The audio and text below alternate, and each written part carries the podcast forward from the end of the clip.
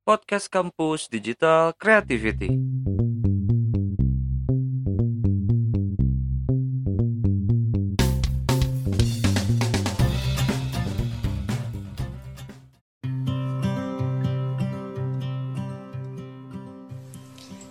Seseorang bertanya padaku, "Apa dunia ini hanya tentang perempuan?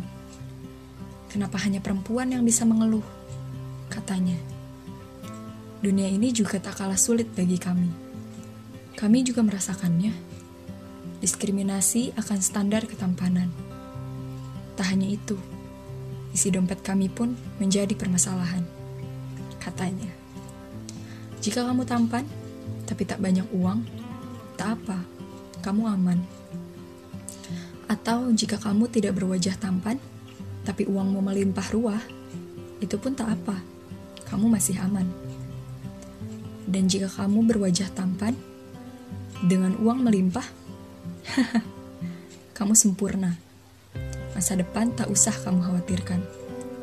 Semua perhatian akan tertuju padamu.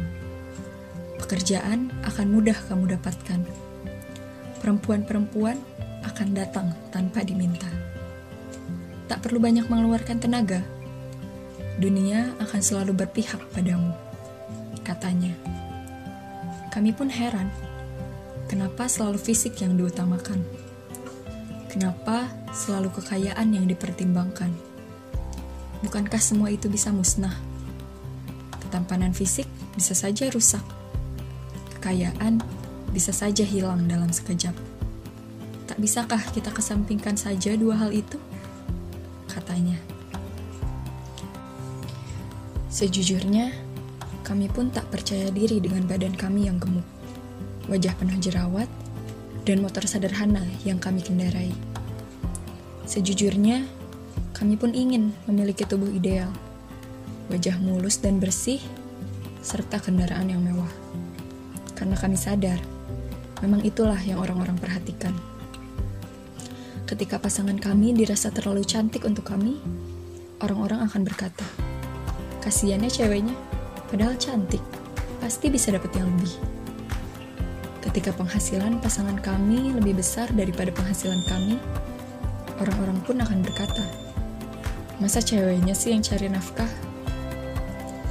Ketika si perempuan selalu mengendarai mobil mewah, orang-orang tak berhenti berkata, Udah, mundur-mundur, lihat motor butut kamu, kamu gak selevel sama dia. Ya, itulah ketidakpercayaan diri kami sebagai laki-laki, katanya. Satu hal yang ingin kami katakan, mari kesampingkan dulu dua hal tersebut, dan lihatlah ketulusan kami, katanya.